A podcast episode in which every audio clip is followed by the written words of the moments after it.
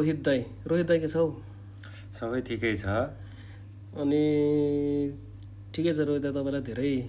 पहिल्यैबाट मैले चाहिँ यो पोडकास्टमा इन्भाइट गर्न खोजेको थिएँ तर अलिकति बिजी भएर सकिनँ। And finally here we are आरामै हुनुहुन्छ? आरामै छु। मैले साथीहरूलाई पहिला सुरुमा गेस इन्ट्रोडक्सन गराउनु पर्ने तर ठिकै छ। रोहित दाई रोहित कपाली उहाँको फुल नेम सिमटेकेयर प्राइभेट लिमिटेडको प्रोडक्सन एन्ड प्लानिङ होइन? Yes production and planning production and planning engineer त्यो चाहिँ पोस्ट चाहिँ त्यो हो तर उहाँलाई एयरक्राफ्ट मेन्टेनेन्स इन्जिनियर भन्न मिल्छ। रोहित दाई has been working in Simrik for past कति years seven years seven years त्यही त। सेभेन इयर्स सेभेन इयर्समा एभिएसनमा अनवरत रूपमा very dedicated guy extremely hard working अनि अनेस्ट आजको एपिसोडमा केही aviation field plus technology wise कुराहरू पनि फर इक्जाम्पल पिस बिल्डिङ हुनसक्छ एटसेक्ट्रा एटसेक्ट्रा त्यस्तै कुरामा हामी सानो छलफल गर्नेछौँ। रोहित दाई सुनाउनुहोस् न त के छ? नयाँ नौलो घरको स्थिति के छ? कोभिडले के छ? कति कोभिड कोभिड भन्नु तर नयाँ नौलो के छ? नयाँ नौलो के भन्नु? काम गरेछ बसेछ आउट स्टेसन हिँडिएछ। त्यही त। आउट स्टेसन हिँड्नुपर्छ नि त दाइ किनभने अहिले नेपालमा सबै आउट स्टेसनको काम धेरै छ। बाढी पहिरोको कारणले गर्दा राहत पनि बाँड्नु हिँड्नु पऱ्यो अहिले रोहित दाइ र म सँगै छौँ। बेसी सर लमजुङमा। अहिले यो रेकर्डिङ भइरहेको टाइम चाहिँ बेसी सरमा हो। बेसी सरबाट मनाङमा राहतको सामानहरू बोक्दैछौँ। आज चाहिँ अलिकति फ्री टाइममा रेकर्ड गर्ने ऊ पनि जुर्यो चान्स पायौँ। अनि के छ त रोहित दा एभिएसन संसार नेपालको rotor aviation specially helicopter aviation.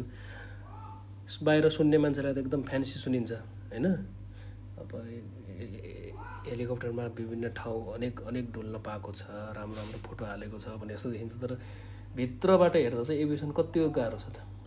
Aviation त गाह्रो छ नि हजुर। उड्ने चिज हो रिस्की हुन्छ। रिस्की त रिस्की हुन्छ है। केही यस्तो सामान्य समस्या आए पनि अब जहाज बस्नुपर्ने हुन्छ।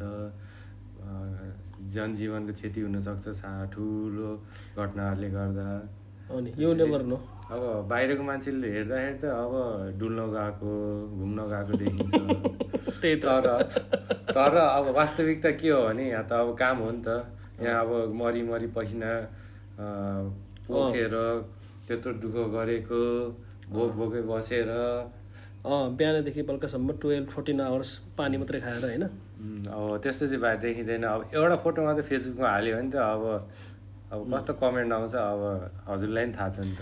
त्यही त होइन के अरे भन्नलाई सबै जबमा गाह्रो त गाह्रै हो तर आउट स्टेसन आउट स्टेसन जब स्पेसली हाम्रो हेलिकप्टरको काम चाहिँ कुन ठाउँमा कता बस्नुपर्ने खानाको पनि ठेगान हुँदैन बस्ने पनि ठेगान हुँदैन झोला बोक्यो हिँड्यो होइन? पहिला पहिला त टेन्ट बोकेर पनि हिँड्नु हिँड्नुहुन्थ्यो अरे तपाईँहरू त है? टेन्टहरू अहिले त त्यस्तो टेन्ट बोकेर नहिँडेको धेरै भयो होला। अब ठाउँ ठाउँमा अब यो विकास हुँदै गरेकाले अब सानतिनो होटेलहरू रुम भयो भने अब एडजस्ट गरेर बस्छ। आजकल त होटेलहरू प्रायः जसो धेरै ठाउँमा पाइन्छ है। हजुर। अहिले हामी यो पिसी सहरमा पनि गेटवे रिसोर्ट हामी चाहिँ अहिले फाइभ स्टार अघि चाहिँ नि के किन गाह्रो भयो कता कता बस्नुपर्छ भनेर गफ हाल्यो तर मान्छे चाहिँ रिसोर्टमा बसिरहेको जस्ट फर फन तर हेलिकप्टरको रोटरको काम चाहिँ देश विकासको लागि। स्पेसली देश विकासमा जुन ठाउँमा गाडी पुग्न सक्दैन त्यो ठाउँमा गाडीले पुऱ्याउन नसक्ने सामान चाहिँ हेलिकप्टर बोकेर जाने त हो नि। त्यो भएको कुरा आउट स्टेसन इन्जिनियर इन्जिनियर मात्रै नभनौँ सबै टिमलाई गाह्रै छ। तर गाह्रो भए पनि रमाइलै छ एक प्रकारले है। एक्सपिरियन्स हो सबै. यो अनि एयरक्राफ्ट मेन्टेनेन्स इन्जिनियर भनेर कसै लेम्यानले तपाईँलाई सोध्यो भने चाहिँ उम्. यो एएमई भनेको के हो भनेर सोध्यो भने त्यसको एन्सर चाहिँ के हुन्छ त? अब एएमई भने कस्तो भनेपछि एउटा अथराइज लाइस लाइसेन्स होल्डर हो जसले चाहिँ आफ्नो लाइसेन्सको सर्टिफिकेसन युटिलाइज गरेर जहाजले मेन्टेनेन्स गर्छ हो। रिपेयर पनि गर्नु पायो नि त होइन? रिपेयर एन्ड मेन्टेनेन्स भन्छ नि। नेपालीमा मर्मत तथा सोमबार इन्जिनियर भनेको त्यही त हो नि। त्यही त aircraft maintenance engineer aircraft maintenance engineer को बारेमा धेरै मानिसहरूलाई चाहिँ थाहा नहुने है। अब यसको अब नियमै छुट्टै हुन्छ नि त अब यो हामीले अहिले फलो गरेको भने एजा हो। एजा भनेको चाहिँ युरोपियन एभिएसन सेफ्टी एजेन्सी हो। हजुर। अब आइका भन्दा नि अलिक बढी स्ट्यान्डर्ड भएकोले अब यसलाई चाहिँ अलिक धेरै मान्यता दिने गर्दाखेरि अहिलेको यो साउथ साउथ सार्क रिजन कन्टिनेन्टहरूले चाहिँ प्रायः अब यो एजाको नियम कानुनहरू फलो गर्ने र इम्प्लिमेन्ट गर्ने गरिरहेछ र नेपालले पनि त्यसमा परेछ। हाम्रो नागरिक उड्डयन मन्त्रालय क्यानको पनि इएज अन्डर त हो नि होइन? हजुर। त्यही त। भनेपछि भनेपछि जे होस् सर्टिफाइड इन्जिनियर भन्दा मिल्यो। सर्टिफाइड. लाइसेन्स होल्डर भन्न मिल्यो है। ठिक छ ठिक छ। भनेपछि एक प्रकारले भन्दा in a nutshell rewarding quite profitable राम्रै छ पैसा चाहिँ एएमईलाई अब रिवार्डिङ के भनौँ रिक्स काम एफोर्ट हेरेर त अब मनी लगभग इन्टरनेसनल लेभलमा त कमै हो नेपालमा कम त कमै हो कमै हो सबै प्रायः जसो सबै जबहरू सबै फिल्डहरूमा बाहिरको कम्पेरिजनमा त पसिना अनुसारको लेबर अनुसारको पारिश्रमिक त पाइ पाइँदैन नेपालमा। त्यो त अब नोन फ्याक्ट नै हो। तर ठिकै छ। अहिले सिमरी केयर हुन त म पनि अहिले गफाने जस्तो भयो म पनि सिमरी केयरमा एएमई तयारी गर्दै गरेको मान्छे होइन।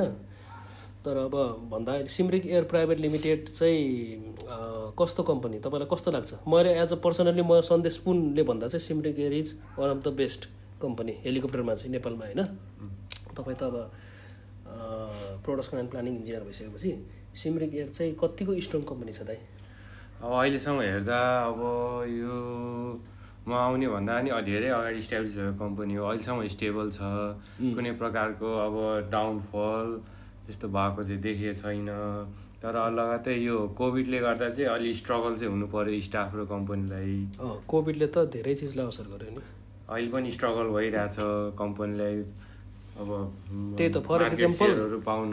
फर इक्जाम्पल एउटा सानो इक्जाम्पल दिँदा अहिले हामी पेसी सहरदेखि मनाङ गाउँ जुन काम गरिरहेछौँ नि है म पेसी सहरदेखि चामे भन्ने ठाउँ कति किलोमिटर टाढा छ त्यो ठ्याक्कै मलाई थाहा भएन। एनिवेज पहिला चाहिँ एक लाख दस हजार पर सटल हुन्थ्यो अथवा त्यस्तै साढे एक लाख एक लाख तिस हजार रुपियाँ पर्थ्यो भने अहिले चाहिँ ओन्ली सिक्सटी फाइभ थाउजन्ड भनेपछि आधा प्राइसमा उडिरहेको छ हेलिकप्टर कम्पनीहरू त्यही भएर हेलिकप्टर कम्पनीहरूलाई सर्भाइभ गर्न गाह्रै छ।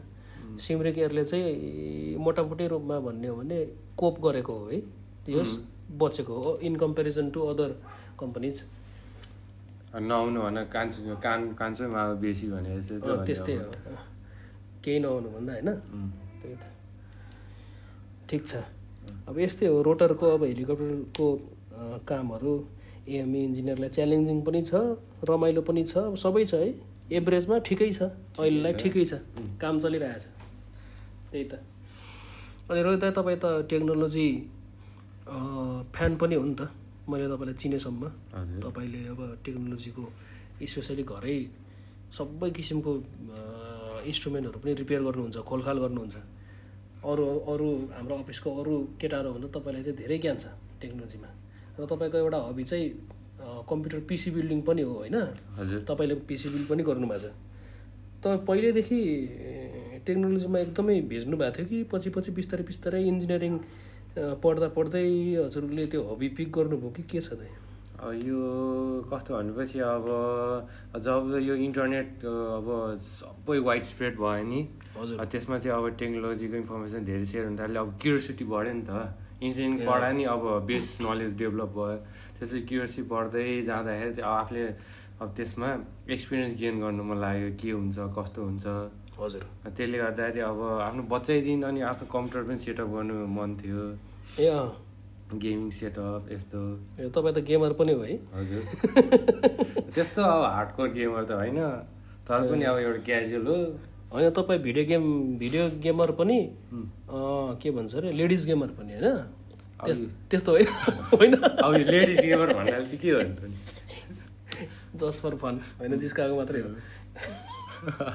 होइन इन्जिनियर जस्तो मान्छे क्वाइट टल ह्यान्डसम भनेपछि लेडिजहरू पछि पछि आउँछ नि त त्यो स्वाभाविक कुरा हो। तर अहिलेको यो वर्ल्डमा चाहिँ त्यस्तो अलि भन्नु मिल्दैन। होइन तपाईँलाई जिस्काएको मात्रै।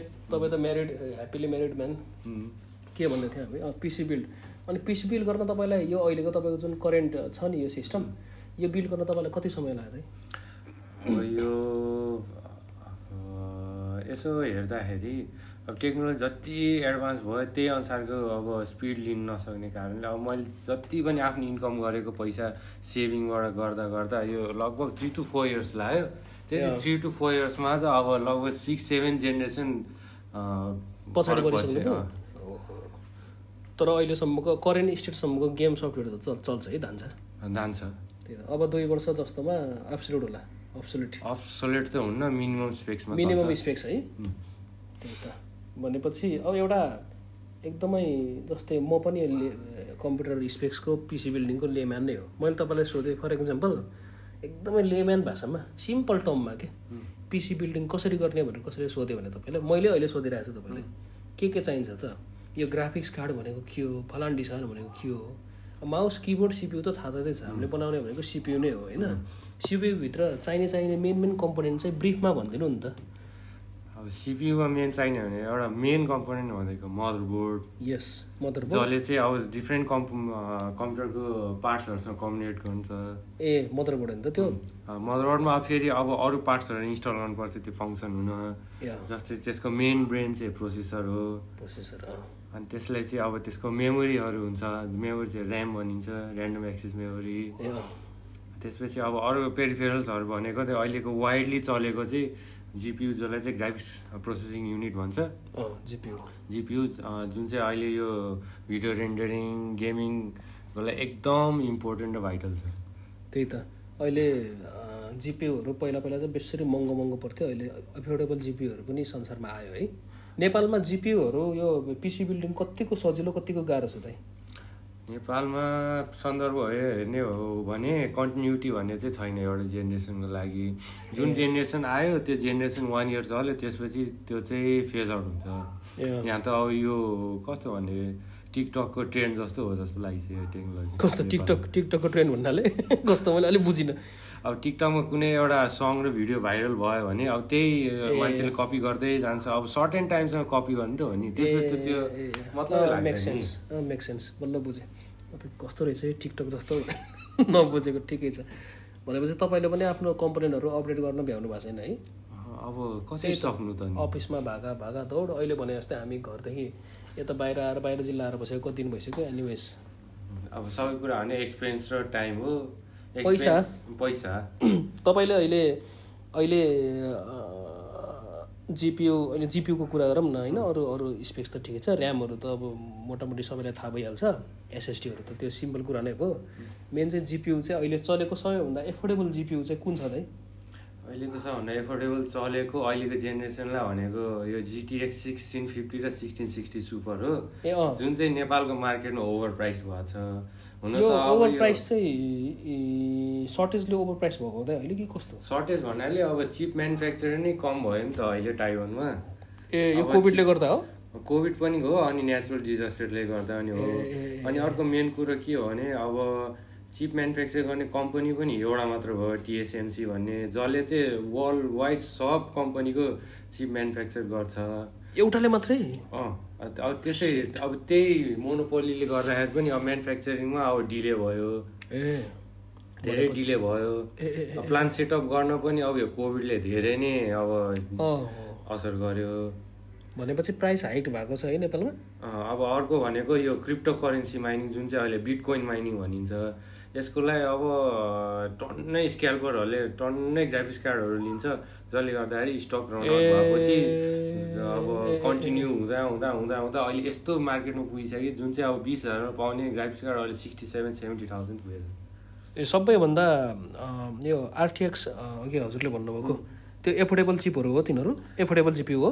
एफोर्डेबल भन्नाले अब आरटिएक्स भनेको टु थाउजन्ड सिरिज चाहिँ महँगै थियो। अब यो थ्री थाउजन्ड सिरिज चाहिँ उनीहरूले यस्तो समयमा निकाल्यो कोभिडको समयमा निकाल्यो। जुन चाहिँ अब थ्री जिरो सिक्स जिरोको उनीहरूले फोर हन्ड्रेड फिफ्टी अथवा अबभ राखेको थियो। युएसटी? युएसटी। अब यही सर्टेजले गर्दाखेरि यति प्राइस ह्याक भएछ यसको। अब मान्छेले अब नेपाली रुपिजमै थ्री जिरो सिक्स जिरोको साढे दुई लाख तिरेर पनि लिइरहेको देखिन्छ। त्यस त्यति हाई प्राइसमा लिँदा नि out of stock out of stock पछि मार्केट अलिकति फिजिबल सजिलो भयो भने त सायद सजिलै हुन्छ होला है। तर नेपालको केसमा चाहिँ त्यो अलि गाह्रै छ किनभने अब व्यापारीहरूले अब अब मैले यो यस्तो पुरानो रेटमा ल्याएको म दिन सक्दिनँ म नयाँ रेटमा भनेर कोही नै ए पुरानो स्टक चाहिँ पुरानै रे त्यही महँगै हाइक प्राइसमै बेच्न खोज्छ। नेपालमा यो हामीले यो कम् कम्प्युटरको पाठ पूर्जाहरू तपाईँले डाइरेक्ट मगाउनु भएको हो कि यता कतै भेन्डरहरू सप्लायरहरू छ त है नेपालमा? कुनै कुनै पार्ट्स अब सेकेन्ड ह्यान्ड नि किने ए अँ। कुनै पार्ट्स अब अब अलिकति महँगो भए पनि किने यतै नेपालमा। ए अँ। तर जुन चाहिँ अब मेन कम्पोनेन्ट छ नि अब यो पिएसयु अनि PSU भनेको त है? पिएसयु पावर सप्लाई युनिट ए ए अँ। पावर सप्लाई युनिट त्यसपछि यो सिपियु कुलर। यिनीहरू चाहिँ मैले अब बाहिरबाट लिएर आएको। ए हजुर विदेश जाँदा लिएर आउनु सिङ्गापुर भ्रमण गर्दाखेरि। ए, लगभग नेपाल र सिङ्गापुरको कम्पेयर गर्दाखेरि आठ लगभग हाफ प्राइसमा फरक देखियो एउटा सामानमा। त्यही त विदेश जाँदा ल्याउन त सजिलो भयो। है नेपालमै किन्छु भन्दा त अलिक गाह्रै छ है खोज्न झ्या हुन्छ सामान पनि पाइँदैन प्लस रेट नि हाई। जेन्युन प्रोडक्टहरू कसरी चिन्ने फेरि है. आफूले चिनेको एकदमै नजिकैकै पसलहरू छ भने त अलिकति स्योर हुने भयो नत्र कस्तो सामान आउँछ के त? हामी जस्तो लेमानलाई खोज्न त गाह्रो हुन्छ नि त। जेन्युन कसरी चिन्ने जेन्युन प्रोडक्ट अहिले त अब यो ल्यापटप ल्यापटप यति एफोर्डेबल प्राइसमा हुन्छ। तर अब मान्छेले भित्र थाहा हुँदैन कि त्यो भित्र मेन बोर्डमा चाहिँ उनीहरूले त्यो रिफर्बिस ट्याग लगाएर पठाइदिएको हुन्छ र ओरिजिनल रेटमा बेचिएको हुन्छ। भित्रको कम्पोनेन्टहरू रिफर्बिस्ट हालेको हुँदो रहेछ। कहिले कहिले चाहिँ स्पेक्स बाहिर प्याकेटमा एउटा स्पेक भित्र अर्को अर्को स्पेक्सको कम्पोनेन्ट मेरो एक्चुली त्यस्तो चाहिँ ब्याट्री पऱ्यो मेरो पुरानो एचपी कम्प्युटरमा ब्याट्रीको स्पेक्स चाहिँ नमिलेको। त्यो पनि मैले तिन वर्षपछि ब्याट्री सर्भिसिङ गर्न जाँदा बल्ल थाहा पाएको त्यस्तो हुन्छ अब सबै कुरा थाहा हुन्न। अँ त्यस्तो हुँदो रहेछ। ठिक छ। भनेपछि अहिले चाहिँ तपाईँको फुर्सद नभएर गेमिङतिर छैन फुर्सद। अब अफिसको काममा आइएछ तपाईँले लेटेस्ट फिनिस गर्नुभएको भिडियो गेम कुन हो है लेटेस्ट फिनिस गर्ने भनेको गेम भनेको के थियो कुन गेम? एउटा युबिसफ्टको गेम थियो। युबिसफ्ट होइन। भनेपछि ए तपाईँलाई सोच्न गाह्रो भयो भने चाहिँ थाहा भयो तपाईँले धेरै पहिला खेल्नु भएको रहेछ फुर्सद नरहेछ होइन, यो मैले चाहिँ यो म चाहिँ अब कोभिड लाएर घरमा बसेको बेला गेम हो। त्यही त तपाईँ त कोभिड ऊ पनि हो नि। कोभिडदेखि सन्चो भइसक्नु भएको होइन त। कति कति हप्ता बस्नुभयो? Isolation? एक महिना बस्ने एक महिनामा गेम खेल्नु अँ। ओके त्यो गेमको नाम ठ्याक्कै सम्झिन सकेन। तपाईँ त कल अफ ड्युटी एभिड गेमहरू हो नि कल अफ ड्युटीको होइन? मैले सम्झेँ त्यो गेमको नाम। प्लेग टेल इनोसेन्स भन्ने अब त्यो लगभग अलि कस्तो जनरको गेम हो त है त्यो? नर्मल हो तर यसले चाहिँ फ्रेन्चको फोर्टिन हन्ड्रेड अथवा त्योभन्दा बिलो टाइम फ्रेमको चाहिँ अब सोसाइटी देखाएको छ कि त्यसमा। ए। त्यसमा अब कस्तो बिलिफ थियो मान्छेको। ए, त्यो रोल आरपिजी जस्तै?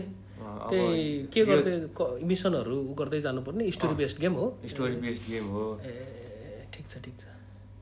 भनेपछि तपाईँलाई चाहिँ यो सुटिङ गेमहरू पनि मनपर्छ होइन कल अफ ड्युटीहरू फर्स्ट पर्सन सुटर या पिएस तपाईँ चाहिँ कल अफ ड्युटी गेमर अहिले चाहिँ कुन ब्याटल कुन गेमको उमा हुनुहुन्छ त पर्खाइमा? अहिले त अब अब अफलाइन गेमहरू आउनै छोड्यो। नत्र ब्याटलफिल्ड टु जेरो फोर टूको धेरै हाइप भएको थियो तर स्पेस हेर्दा त त्यो त मल्टिप्लेयर मात्र पऱ्यो अलिक अँ, दुःख चाहिँ लाग्यो। अहिले त सबै त्यही ऊ मात्रै हो ब्याटल ग्राउन्ड जनरको गेम मात्रै हुन्छ सुटरहरू हुन त हुन्छ गेम तर चल्ने चाहिँ सबै पैसा कमाउने रेभेन्यू आउने मोड भनेको चाहिँ त्यही ऊ नै हो ब्याटल ग्राउन्ड नै हो। त्यही त।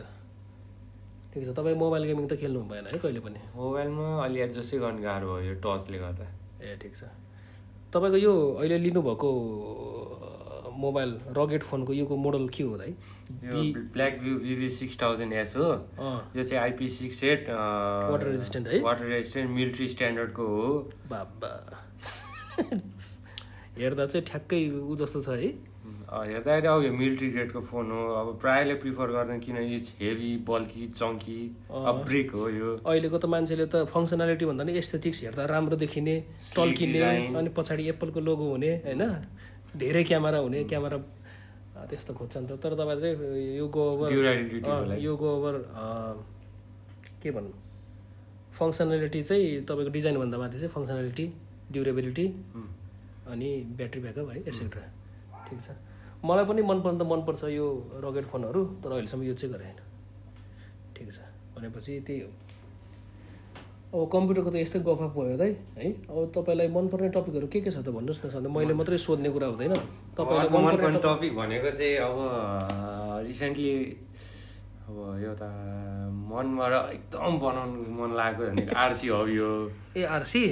आरसी भनेको भनिदिनुहोस् न मैले त बुझेँ हाम्रो सुन्ने साथीहरूलाई आरसी भनेको। आरसी भनेको रिमोट कन्ट्रोल हो। Remote controlled. अब रिमोट कन्ट्रोल्ड कन्ट्रोल अब सानोतिनो अब के भन्ने त्यो रियल मोडलको स्केल गरेर चाहिँ त्यो स्केलको रेसियो राखेर अब सर्टन साइजको बनाएको रेडियो कन्ट्रोल मोडलहरू हो। ए भनेपछि फर इक्जाम्पल गाडीको पनि हुने भयो। गाडी बोट हेलिकप्टर। सबै चिज कन्स्ट्रक्सन ट्रक तपाईँको चाहिँ अहिले. एकदमै रिसेन्ट हबी भनेको यही हो है। तपाईँले पर्चेस गरेको चाहिँ एउटा एक्सकाभेटर पर्चेस गर्नुभयो होइन? आरसी त्यो कत्रो साइज छ? कतिपय कति जस्तो छ होला हाइट झन् दुई फिटको छ अग्लो? दुई फिट दुई फिट छैन। अब आम रेस गऱ्यो भने चाहिँ वान पोइन्ट फाइभ फिटसम्म हुन्छ। ए भनेको त ठुलै स्केल नि है। खेलौना चाहिँ होइन तर त्यो खेलौना पनि हबी ग्रेड चाहिँ हो। अब हेर्दाखेरि खेलाउनु जस्तो लाग्छ प्रायःलाई। इट्स अ बेबी टोइज भन्छ तर it's man toys okay. Right on भन्नु पर्ला है तपाईँले त एउटा हाम्रो सिमरिक एयर नभनौँ नेपालमा उड्ने Airbus H one two one H one two five हेलिकप्टरको RC model पनि पर्चेस गर्नु भएको छ अरे भन्ने सुनिन्छ नि हो। हजुर। मैले मैले सुनेको मात्रै हो यो। हजुर परचेस गरे हो। अब पर्फर्मेन्स त चेक गर्नै बाँकी छ। कस्तो छ? जस्ट युट्युब भिडियो रिभ्यू गरेर मगाएको हो। ए त्यो कसले ल्याइदिन्छ दाइ नेपाल? अहिले यो रिसेन्टली ओपन भएको यो आरसी टोइज नेपाल भन्ने छन् अँ, भर्खर इस्टाब्लिस भएको टु थाउजन्ड ट्वेन्टीमा। उसले चाहिँ हबी ग्रेडको सामानहरू सबै ल्याएर बेच्ने गरिरहेको छ ए आरसी टोइज नेपाल हो नि त? काठमाडौँमै छ है यसको? काठमाडौँमा। काठमाडौँको मङ्गल बजारमा। Okay. RC toys Nepal. Facebook पेजहरू पनि छ होला नि त? छ। त्यही त श्रोता श्रोता नभन हाम्रो सुन्ने साथीहरूलाई नेपालमा भएको साथीहरूलाई यदि तपाईँहरूलाई यो आरसीमा इन्ट्रेस्ट छ भने आरसी टुरिस्ट नेपालको पेजहरू फलो गर्दा हुन्छ सोसल साइट्समा ठिक छ।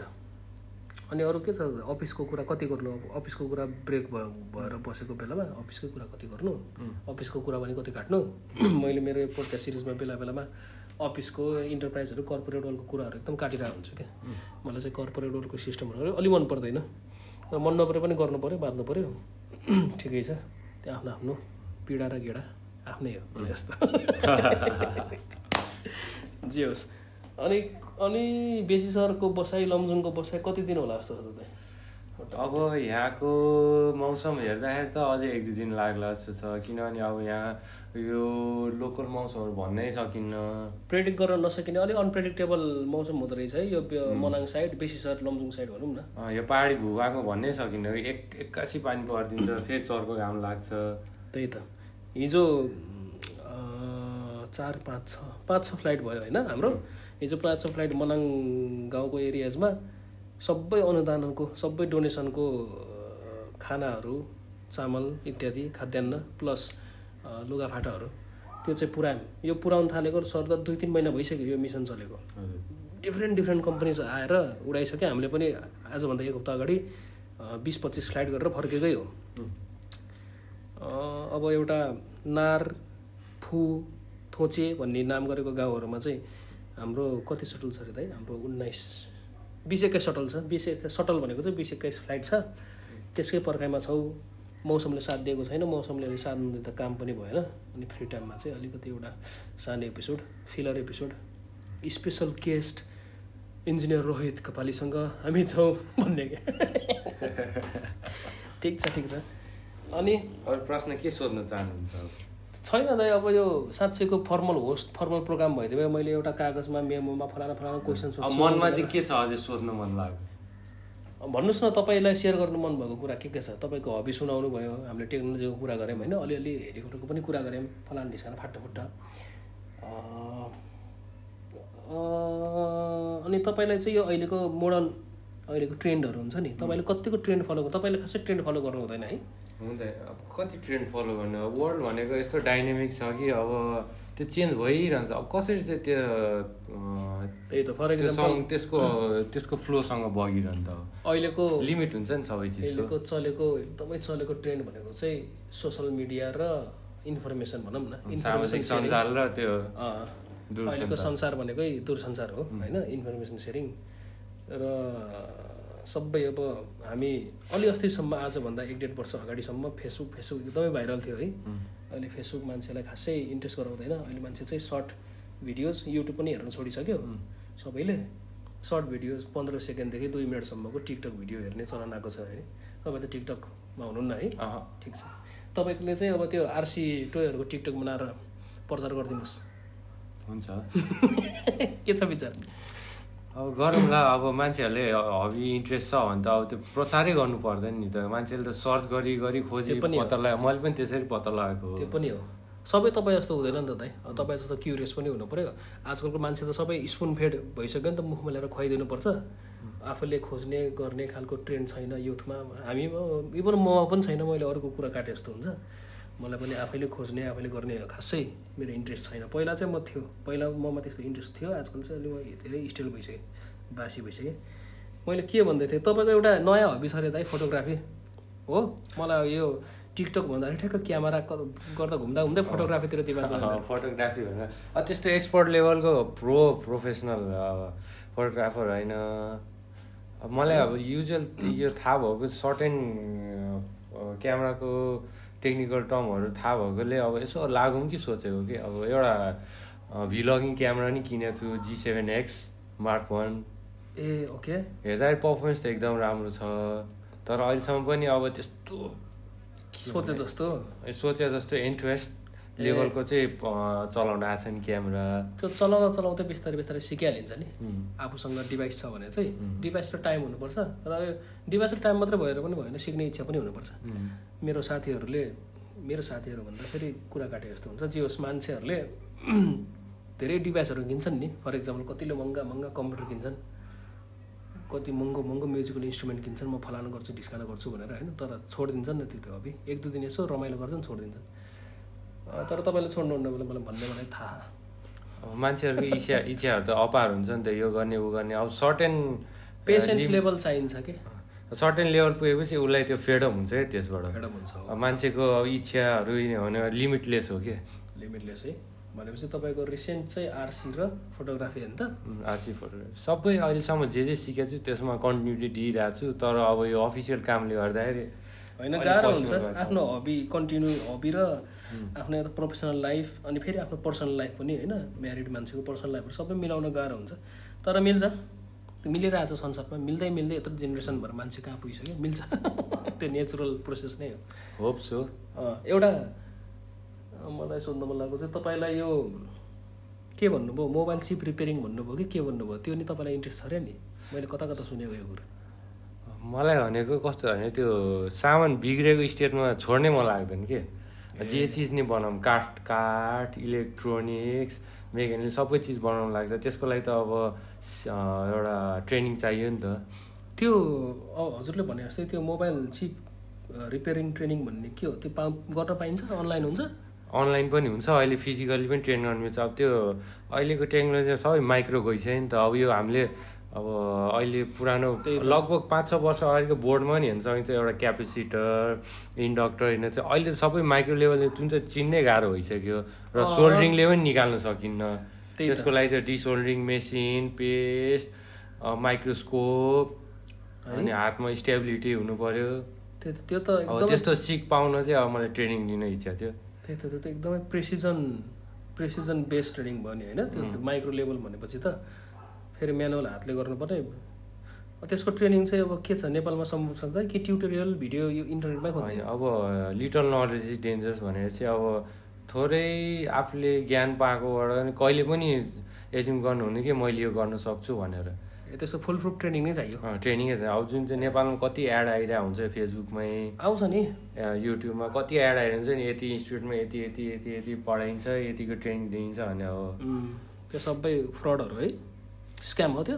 अब कुनै नि स्क्याम नै हुन्छ कोही कोही अब लेजिट नै हुन्छ। ए ठिक छ। भनेपछि तपाईँले यो मोबाइल चिप रिपेयरिङको कहाँ के केही बुझ्नु भएको छ त नेपालमा? बुझेको छु न्युरोडहरूमा दुई तिनवटा छ। ए पैसा तिरेर गर्ने ट्रेनिङ त होला नि? पैसा। लौ त्यही पच्चिस तिस हजारमा एक महिना चाहिँ ट्रेन गराउँछ। ए तपाईँले त भनेपछि मोबाइल पनि आफै रिपेयर गर्ने अब सबै। अब टाइमले र अब समयले साथ दियो भने। रिपेयर त गर्नुहुन्छ। टाइम अब एक दिन लाग्ने टाइम दस दिन लाग्ने भयो। अब यता बिजी पनि हुनु पऱ्यो गर्ने चाहिँ आफै गर्ने है। ठिक छ मलाई कस्तो मन लाग्छ कसैको भर पर्न मन लाग्दैन कि? Not even not even my wife set यो पोस्ट प्रोसेसिङमा कट गर्नु पर्ला त यो। फेरि उता हजुर कानमा जाला र फेरि जे होस्। होइन। अब कस्तो भनेपछि एउटा इन्डिपेन्डेन्ट हुनु पऱ्यो कि? कसैकोमा भर नपर्ने। मैले भर परेर धेरै दुःख पाइसकेँ। अब यो होइन त्यो मैले बुझ्छु। अब मलाई पनि थाहा छ म पनि धेरै मानिससँग म पनि त्यस्तो फुल्ली डिपेन्डेन्ट खालको ऊ छैन मेरो पनि। तर तपाईँ जस्तो एकदमै के भन्छ अरे स्पेसल ट्रेनिङ पाएको मान्छे त होइन तर मैले त्यो सेन्टिमेन्ट बुझेँ। आफू चाहिँ इन्डिपेन्डेन्ट हुनुपर्छ सकेसम्म सबै स्किल सकेको स्किल सबै आउनुपर्छ आफूलाई भन्ने हो। त्यही त। त्यस्तो स्किल चाहिँ भन्नु मिल्दैन किनभने अब यो त- एउटा क्याजुअल वर्क हो नि त अब। क्याजुअल होइन त स्किल नै हो नि यो त स्पेसल स्किल नै भयो नि अब मोबाइल चिप ट्रेनिङ भनेको त अब यस्तो अब अब हेर्दाखेरि अब युट्युब च्यानलमा अब यस्ता कस्ता भर्खर भर्खरकाहरूले नि अब टेक्नोलोजी रिभ्यू गर्ने डिसेम्बली गर्ने हेर्दा हेर्दा यो टुल्स त यति कमन भइसक्यो कि। मान्छेले जे पनि खोलिदिन्छ जे पनि। गरिदिन्छ। अब यसो हेर्दा यो यो अनि बाहिरको मान्छेले यस्तो गर्नु सक्छ यहाँकोहरू चाहिँ के हो जस्तो लाग्छ कि अब? हामीलाई त हामीलाई त चाहिने कुरा एकदमै युजफुल हुने चिज सिक्नमा फुर्सद छैन। नचाहिने नचाहिने ऊ टाइम वेस्टिङ प्रोडक्टिभ नहुने त्यसको रिजल्ट नआउने नआउने कुरामा मात्रै ध्यान जाने त हो नि। अन्त मेरो पनि जान्छ। किनभने सबै जाने जस्तो हिरो भएर बोल्न नि मिल्दैन आफू पनि गिल्टी नै हो। ठिकै छ। अनि के छ दाइ आजको दिन चाहिँ यत्तिकै जाने भयो त हजुरको? बसेरै जाने भयो? अब मौसमले साथ नदिएपछि त कसरी उडाउनु त? त्यही त। ख- खतरा भयो। त्यही त। यो अब मलाई त थाहा छ त्यही पनि साथीहरूलाई सुनाइदिनलाई मात्रै। हेलिकप्टर होइन? एउटा रोटर एयरक्राफ्ट। माथि टाउको माथि पङ्खा घुम्नेलाई रोटर एयरक्राफ्ट भन्छ। एरोप्लेनहरू चाहिँ अब फिक्स विङ भन्छ नि त। फिक्स तिनीहरूको पङ्खा त्यो हात दुईवटा दायाँ बायाँ हात फिक्स हुने भएर फिक्सिङ भयो।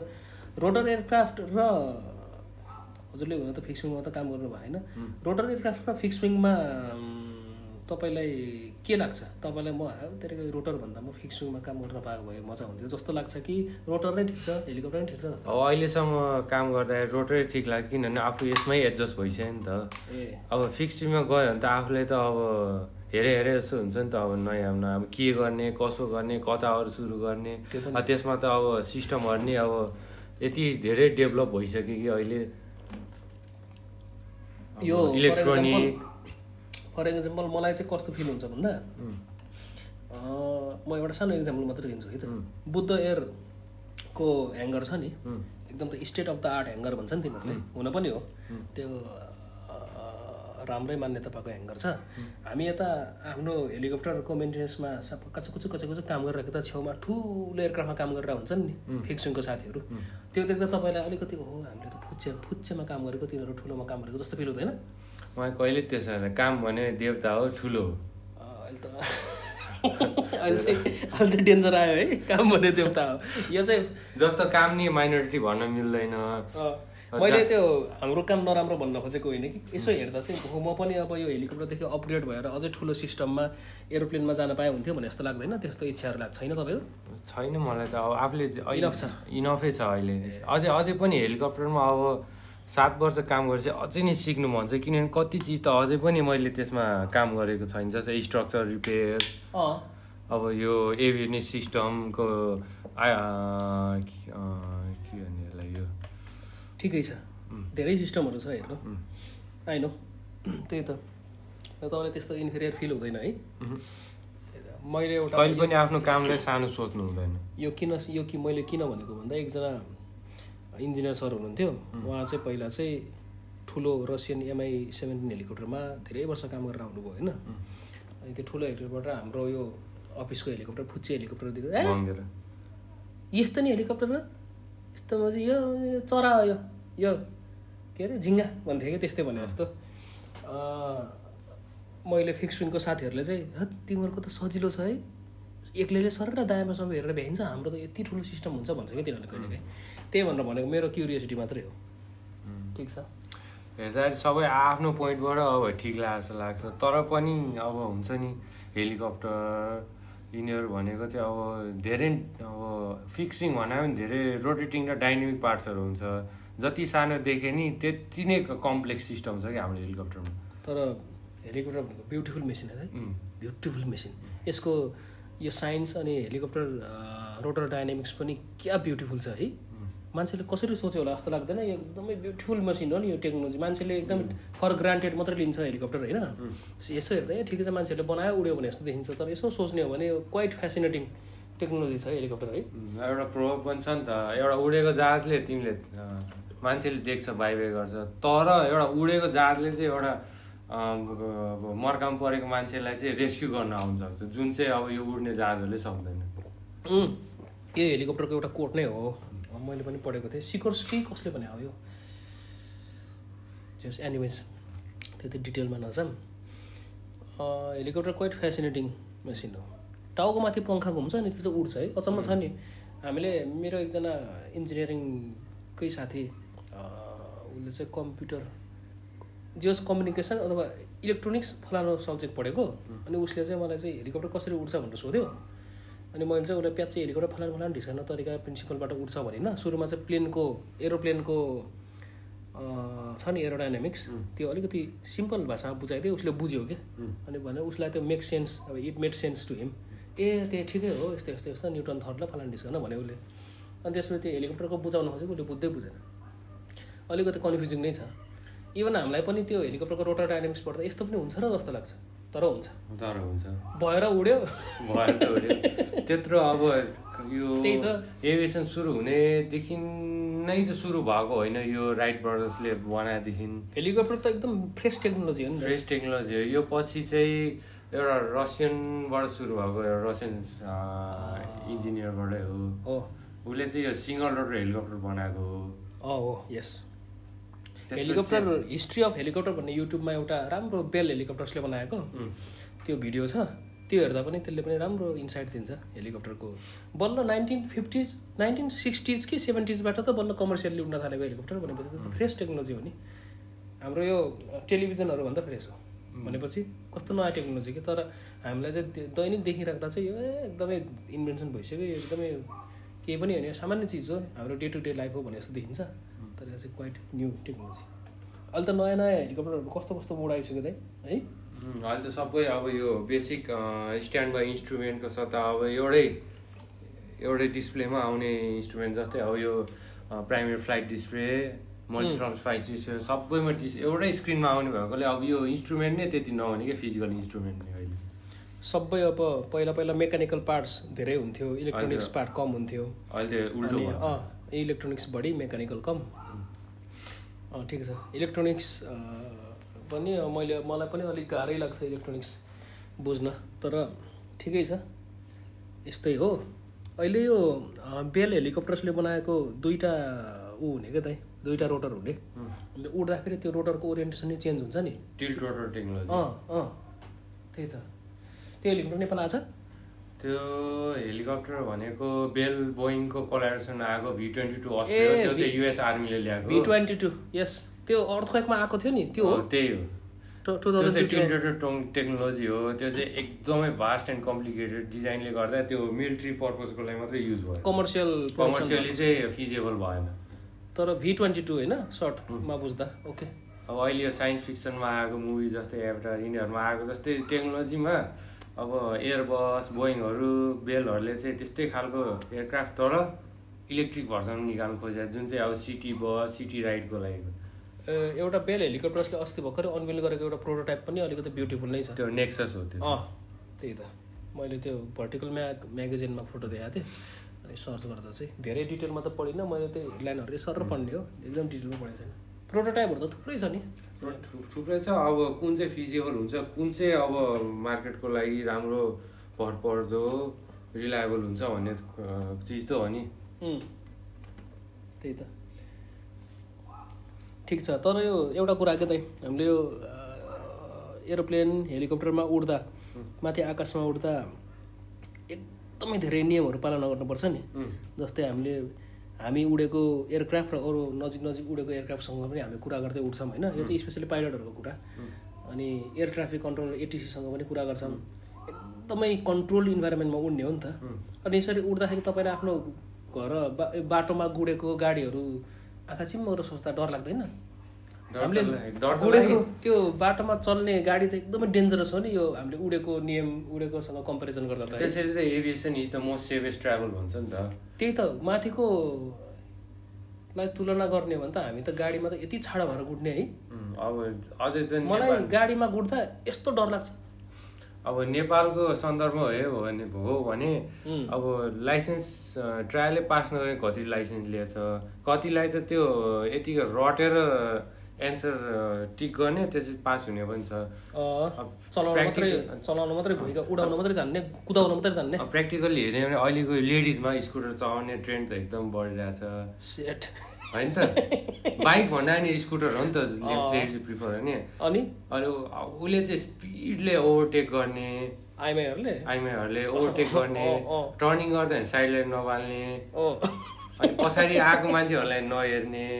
यसो ट्रेनले गर्दा. धेरै दुर्घटना भयो धेरै दुर्घटना। हाम्रो इन्जिनियर रोहित सरले भन्नुभयो प्लिज लेडिज महिलाहरू अलिकति सचेत भइदिनु होला है। तपाईँहरूको कम्प्लेन आएको छ। मेरो हाम्रो दाइले एकदम गाह्रो भयो बाटोमा गाडी चलाउँदा तपाईँहरूले गर्दा। सबै लेडिज नहुनु अब प्राय होइन यो मलाई पनि थाहा छ। एकजना प्राय मैले एकदमै पोइन्ट गरेर भनेको होइन तर एकजना दिदीले चाहिँ देब्रेतिर बालेर दाहिने गइदिने जहिले त्यस्तै गर्ने क्या अनि उहाँ चाहिँ बिचरा झुक्किनु हुँदो रहेछ क्या उहाँ त्यो राइट लेफ्ट दायाँ बायाँ झुक्किने होला। जहिले नै उल्टो साइड लाइट पाल्ने क्या। अनि हामीले गरे यस्तो यस्तो यस्तो नगर्नु है भनेर भनेपछि पछि पछि धेरै समय लाएर डेढ दुई वर्ष बल्ल बिस्तारै बिस्तारै सिक्नुभयो क्या। डेढ दुई वर्षसम्म पनि त्यो साइड इन्डिकेटर कुन बाल्ने कुन नबाल्ने भनेर झुक्किने क्या भन्नु लेडिज मात्रै होइन जेन्ट्सहरू पनि केटाहरू अब मान्छेको त्यो त अब दिमाग भर पर्छ कतिको उसले इन्फर्मेसन एक छिटो प्रोसेस गरेर स्टोर गर्न सक्छ भन्ने। कोही स्लो पेस हुन्छ कोही फास्ट लर्नर हुन्छ। होइन यो त्यही हो। मलाई चाहिँ उडेको हामी यस्तो कन्ट्रोल इन्भाइरोमेन्ट सबैले आफ्नो ज्यानको माया गरेर उड्ने त हो नि। हामी गुड्दा पनि ज्यानको माया गरेर गुड्नुपर्ने हो नि त। तर हामीले चाहिँ ड्याम हानेर एकदम नियमै पालन नगरी वास्तै छैन। आकाशमा त यस्तो सेफ तरिकाले उड्नुपर्छ है। तर पनि दुर्घटना हुन्छ आकाशमा त्यस्तो नियम पालना गरेर नि। त्यही त। हन्ड्रेड चिज हजारौँ चिजले कन्ट्रोल गर्छ त्यस्तरी सेफ तरिकाले उड्ने। एयरक्राफ्ट टु एयरक्राफ्ट कम्युनिकेसन भइरहेको हुन्छ। Aircraft to Ground. Ground tower एटिसीसँग अथवा नभए आफ्नै अफिसको। ग्राउन्ड क्रुहरूसँग त्यस्तो तरिकाले यस्तो फेरि यस्तो राम्रो राम्रो टेक्नोलोजीहरू छ है। तैपनि त्यसो हुँदा नि एक्सिडेन्ट हुन्छ भने बाटोमा त छाडा। कसरी अहिलेसम्म मेरो एक्सिडेन्ट भएन भन्ने लाग्छ मलाई कहिले काहीँ यसो सोद्धा। होइन त। कति किलोमिटर गुडिसक्यो कसरी ठोक्कै छैन होला जस्तो लाग्छ अचम्मै लाग्छ तर आफूले गल्ती नगरे अर्काको गल्तीले गल्तीले नि दुर्घटनामा परेछु म चाहिँ। होइन म माइनर माइनरमा परेछु भन्न खोजेको हामी यो बाटोमा गुड्ने मान्छेहरू यस्तो हेपेचेटले गुड्छ कि यो यो रेटमा त दिनकै सय दुई सय दुर्घटना हुनुपर्ने तर हुँदैन भन्ने कुरा। डर लाग्छ मलाई बाटो समेत। आफूले हेलिकप्टरमा काम गऱ्यो भन्दैमा उडेको राम्रो गुडेको नराम्रो भन्नेले भन्ने पनि होला है साथीहरूले त्यस्तो भनेको होइन। त्यो कदापि होइन। ओ, के आएछ? अहिले चाहिँ बेस सहरमा चाहिँ अलिअलि रिमेनिङ के के सानो सानो प्याजहरूमा चाहिँ रोपाइ हुँदैछ सानो सानो गराहरूमा। धेरै जसो चाहिँ अधिकांश चाहिँ रोपाइ भएर धान हरियो भइसक्यो। हरियो भन्नाले उठिसक्यो। सुरुमा रोप्दा चाहिँ त्यो बिउ चाहिँ पल्टेको हुन्छ क्या। पछि त्यसले माटो ग्राप गरेर स्ट्रङ भयो अनि रुट्स स्ट्रङ भएर मुनिबाट त्यसले एब्जर्ब गर्यो भने खानेकुरा एब्जर्ब गर्यो भने त्यो उभिन्छ। धेरै जसो बिउहरू ऊ भइसक्यो ठाडो भइसक्यो। रोपाइ गर्ने समय हो नि त यो। यो यता रोपाइ गर्ने समय रोपाइ गर्ने समय पनि लौ लौ सकिन लागिसकेको रहेछ जो हरियाली छ बेसर। बेसर नि राम्रो ठाउँ। है सफा रहेछ है धुलो भनेको कति सफा धुलो छ। काठमाडौँ सहरै हो one of the most polluted city हो। काठमाडौँलाई अब हामीले पोल्युसन कन्ट्रोल केही गर्न सकिन्छ। तपाईँलाई के लाग्छ? कहिले काहीँ यसो विचार गर्नु भएको छ पोल्युसन कन्ट्रोल पोल्युसन कन्ट्रोल भने कस्तो भनेपछि अब यो जुन डस्ट पार्टिकल्सहरू एयरमा सस्पेन्ड हुन्छ यो कस्तो भनेपछि पार्टिकुलेट म्याटर्स भन्छ नि तिनीहरूलाई पिएम अब यो कस्तो भने दिन प्रतिदिन दिन प्रतिदिन यो कस्तो स्मोक बन्ने विन्टरमा अनि एयर पार्ट अब यो डस्टको कन्सन्ट्रेसनहरू बढ्दा बढ्दा मान्छेहरूलाई लङ्स क्यान्सर हुने रेट बढिरहेको छ। यसको मुख्य कारण। चाहिँ के हो भने कन्स्ट्रक्सन रोड कन्स्ट्रक्सन टाइममा नहुने। वान त्यही त। भवनहरू पनि त्यस्तै दिनकै सयौँ हजारौँ भवन भन्छ नि काठमाडौँमा त बनेको बनै हो त्यसको धुलो। अर्को भनेको चाहिँ अब मान्छेको सेल्फ सेल्फ ड्युटी रेस्पोन्सिब पुरा नगरिदिने। अब फोहोरै झ्यालबाट फ्यालिदिने। बाटोमा पराग। थुक्ने। अह वर्स्ट द वर्स्ट यार त्यो पराग थुक्ने करेन्ट थुक्ने। त्यो टोली चाहिँ द वर्स्ट यसो हेर्दा अब नेपाल सन्दर्भमा अब जताबाट पनि अब प्रफिट खान खोज्ने त्यसले गर्दाखेरि अब अब एउटा टाइममा बजेटभन्दा अगाडि पिच गरिदिन्छ लो क्वालिटीको त्यो उकिएपछि डस्ट बन्छ डस्ट बनेर उठ्छ माथि। त्यही रिपेयरिङ गऱ्यो है? त्यही अब त्यो फाटेको लुगामा टाले जसो बनाइन्छ फेरि उकिन्छ त्यही त पहिला पहिला त यो एकदमै स्मोक फाल्ने भेहिकलहरू हुन्थ्यो नि त। पछि पछि त अब यो इयुले सबै सबै सबै अर्गनाइजेसनले त्यो धुवा फाल्ने गाडी पनि सबै हटाइसक्यो। गर्दा अब अलिअलि ट्रिपरहरू ट्रकहरूबाट धुवा त आउँछ तर धेरै जसो प्राइभेट गाडीहरू लोकल गाडीहरूबाट पनि धुवा चाहिँ आउँदैन है। ब्ल्याक स्मोक चाहिँ आउन छोडेको अलिक कम भइसक्यो। अहिले त मेन अब त्यस्तो कन्स्ट्रक्सन भेहिकल हो भने पब्लिक भेहिकलले धेरै पोल्छन्। किनभने एउटा मान्छेको घरमा दुईवटा बाइक र एउटा गाडी हुन्छ। एउटा बाइक चलाउँदा नि ऊ सिङ्गल चलाउँछ गाडी चलाउँदा नि ऊ सिङ्गल चलाउँछ।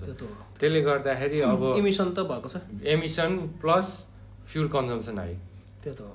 त्यो पनि त्यो पनि है। पहिला पहिला त त्यो कालो धुवा फाल्ने गाडी हुन्थ्यो नि ट्रकहरू। घ्या गर्ने कालो धुवा फाल्ने। डिजल इन्जिनहरू। अँ त्यो अहिले अलिक कम भयो। धुलोलाई कसरी कन्ट्रोल गर्ने होला यो धुलो? अब धुलो कन्ट्रोल गर्ने माध्यम भनेको अब मेन चाहिँ अब रोड चाहिँ फुल पिच भएर हुनु पऱ्यो सेकेन्ड भनेको मान्छेले अब आफ्नो बाटोमा फोहोरहरू नफाल्ने। अब आफूबाट पनि एउटा हुनु पऱ्यो नि पहिला। अनि पो अरूबाट हुन्छ भने त होप गर्नु पर्यो नि। यो काठमाडौँमा काठमाडौँ स्पेसली काठमाडौँमा चाहिँ यो कन्स्ट्रक्सन काम भएपछि धुलो जान गाह्रो हुन्छ क्या। अब यो सबै बनिसक्यो सबै वेल सेटअप भयो भने चाहिँ बल्ल रोकिन्छ। हुन त अब यो इम्प्रोपर अर्गनाइजेसनले गर्दा नि धेरै चिजले गर्दा अब इम्प्रोपर प्लानिङ अनि त्यसपछि करप्ट अफिसियल त्यस्तै हो। यिनीहरू चाहिँ हो मेन फ्याक्टर। अरू अर्को मेन फ्याक्टर भनेको चाहिँ अब यो पोल्युटेड गाडीहरू कति फोर्टी फिफ्टी इयर्स अगाडिको पनि गाडीलाई अब अब इको फ्रेन्डली भने स्टिकर टालेर चलाउने पनि चलन छ अहिले। इको फ्रेन्डली भनेर यो स्टिकर पाउँछ नि अहिले ट्रान्सपोर्टेसन विभागले त्यो एटी एयरलाइन्सले हामी कार्बन इमिसन न्युट्रल के भन्ने स्टिकर टाँस छ कि? त्यसको मिनिङ चाहिँ तिनीहरूले चाहिँ यति कार्बन इमिसन गरेको बापत यति रुपियाँ तिर्दो रहेछ कि तिनीहरूले? फलानु ट्रस्टमा पैसा जम्मा गरिदिनु रहेछ। कार्बन इमिसन रोक्ने त होइन तर आफूले इमिसन गरेको सट्टा चाहिँ पैसा दिने। त्यस्तो गर्दै चाहिँ एटी एयरलाइन्सले अब इभी आउनुपर्छ। इभी इलेक्ट्रिक भेहिकल्स के छ दाइ? सम्भावना नेपालको तपाईँलाई के लाग्छ? इभी राम्रो हो? इभी फ्युचरले हेर्ने हो भने राम्रो हो तर इन नेपालमा अहिलेसम्म त्यति फेसिलिटी डेभलप भएको छैन। त्यो इभी नै नेपालमा त्यस्तो राम्रो चल्नलाई अर्को भने पोलिटिक्स माफिया। माफिया त नेपालमा जिन्दगीभरि हो। अब अर्को कुरो भनेको यो डिलरहरूले चाहिँ हेफ्टी मार्जिन लागिदिन्छ के? अब अब यो अलिबाबामा जुन यो थ्री थाउजन्ड डलरमा आउने कार यहाँ चाहिँ एटिन लाक्स अब पर्दो रहेछ त। अब कति ट्याक्स त छुट पनि दिएछ हुन्छ सरकारले एक्साइज ड्युटी कम गरेछ। तर पनि त्यो कसरी त्यति एक्सपेन्सिभ भयो भन्ने चाहिँ अब जनताले चाहनु भएको छ। तर अब यो डिलरहरूले यिनीहरूले दे आर अल क्वाइट ठिक छ। इभी अनि तपाईँको इभी बाइक छ होइन? तपाईँलाई कतिको सजिलो फिल भएको छ अहिलेसम्म? अहिलेसम्म यो यो पेट्रोल इन्जिन चल्ने बाइक भन्दा त सजिलो छ मेन्टेन गर्न। तर सबभन्दा गाह्रो चिज चाहिँ के भयो भने त्यसको पार्ट्स उपलब्ध गराउन। जति पनि अब यहाँ डिलर आए केही लड्नु बेचे भागे फाइदा हुने बित्तिकै तपाईँले अनि आफ्नो इभी रिपेयर मेन्टेन्स चाहिँ घरै गर्नुहुन्छ कि लैजानुहुन्छ कता वर्कसपमा अब जब दिन मैले यो इभी चलाउन थालेँ मान्छेहरूको हेर्ने नजरै कस्तो भनेपछि यो गरिब चल मान्छेले चलाउने साइकल भने नि हेभी हो। हो र? अब नेपालको धनीमानीहरूले भने चाहिँ कस्तो भनेपछि महँगो बाइक चलाउने रक्सी खानुपर्ने अब म त्यो वर्गमा परेन. त्यसले अब हेपिन पनि हेपिनु पर्यो। अनि कहाँ कहाँ गएर उ गर्नुभयो भनेको? तपाईँ कहाँ कहाँ मैले रक्सी खान्नतिर। बनाउनुहुन्छ भनेर बाइक चाहिँ क्वेसन सोध्यो। हो हो अब त्यही हो। मैले के गर्नु खोजेँ भने नि अब यो ब्याट्रीले चल्ने साइकल भने हेर्ने अब यो वर्कसपमा लगाउने बित्तिकै यो रिपेयर गाईहरूले त छुँदा पनि छुँदैन के? एक त तिनीहरू आउँदा पनि आउँदैन आउँदा पनि आउँदैन तर छुन पनि छुँदैन। उनीहरूले झन् उल्टो हेपेर पठाउँछ। ए, अनि भनेपछि तपाईँले त मैले आफैले- गर्ने बाध्यता भयो अरू म टेक्निकल फिल्ड भएकोले मलाई यो काम त अब सजिलो लाग्छ। सजिलो भने नि अब युज टु लाग्छ आफूले गरिरहेकोले। अहिलेसम्म कति वर्ष चलाउनु भयो EV four and half years four and half इयर्समा तपाईँले कस्ट एनालाइसिस गर्नुभएको छ त है? अब त्यो तपाईँले. त्यो इबीको सट्टा आइसी चलाएको भए होइन? पेट्रोल डिजल चलाएको भए त्यो सस्तो पर्थ्यो कि इबी सस्तो पर्थ्यो भनेर? कति ए कतिले इबी सस्तो पर्थ्यो भनेर तपाईँले उ गर्नुभएको छ? कस्ट एनालाइसिस गर्नुभएको छ? कस्ट एनालिसिस गर्ने नेपाल सन्दर्भ हो हेर्ने भने ब्याट्रीको कस्ट एकदमै मुख्य एक्सपेन्सिभ इम्पोर्ट? गर्न नि गाह्रो। ए। अनि लगभग मैले तुलना गर्दा ब्याट्रीको कस्ट र पेट्रोल इन्जिनलाई मेन्टेन गर्ने कस्ट लगभग उति नै चढ्न आउने रहेछ कि? नेपालको हो भनेपछि त्यो ए भनेपछि त ब्याट्री यदि हामीले राम्रै त्यो हाइट प्राइस प्राइस होइन कि राम्रै रेटमा पाउने हो भने त इबी धेरै सस्तो है। धेरै सस्तो अब यहाँ त अब ट्याक्स प्रफिट मार्जिन फल्ना चिल्ला भने धेरै नै पैसा लिँदो रहेछ डिलरहरूले ठिकै छ। अबको दस वर्षमा हो भने त इबी इबीले रिप्लेस गर्ने भनेको नेपाललाई? टु थाउजन्ड एटी एटभित्र भनेको होइन? के कहिले रे तपाईँलाई थाहा छ यो कुरा? अबको लगभग दस वर्षमा भनेको छ सरकारको plan which is not possible possible छैन। पोसिबल छैन। एक त अब नेपालको इन्कम नि कम छ। आफूले म्यानुफ्याक्चर नि गर्न सक्दैन। सबै चिज इम्पोर्ट गर्नुपर्छ। त्यही त। अब एक त कोरोनाले पनि अब यो देशकै इकोनोमी डामाडोल। डाउनल छ। अब यो भन्नै सकिने इबीले चाहिँ कहिले चाहिँ अब आफ्नो ज्वरो गाड्छ भनेर त। त्यही त। अब फ्युचर त हुनलाई त अब फ्युचर चाहिँ इबी नै हो विदाउट एनी डाउट्स तर नेपालमा चाहिँ गाह्रो छ है। अब मैले त्यति साढे चार वर्ष चढेको एक्सपिरियन्समा चाहिँ के भने आफैले मेन्टेन गर्नु पऱ्यो एउटा दुःख।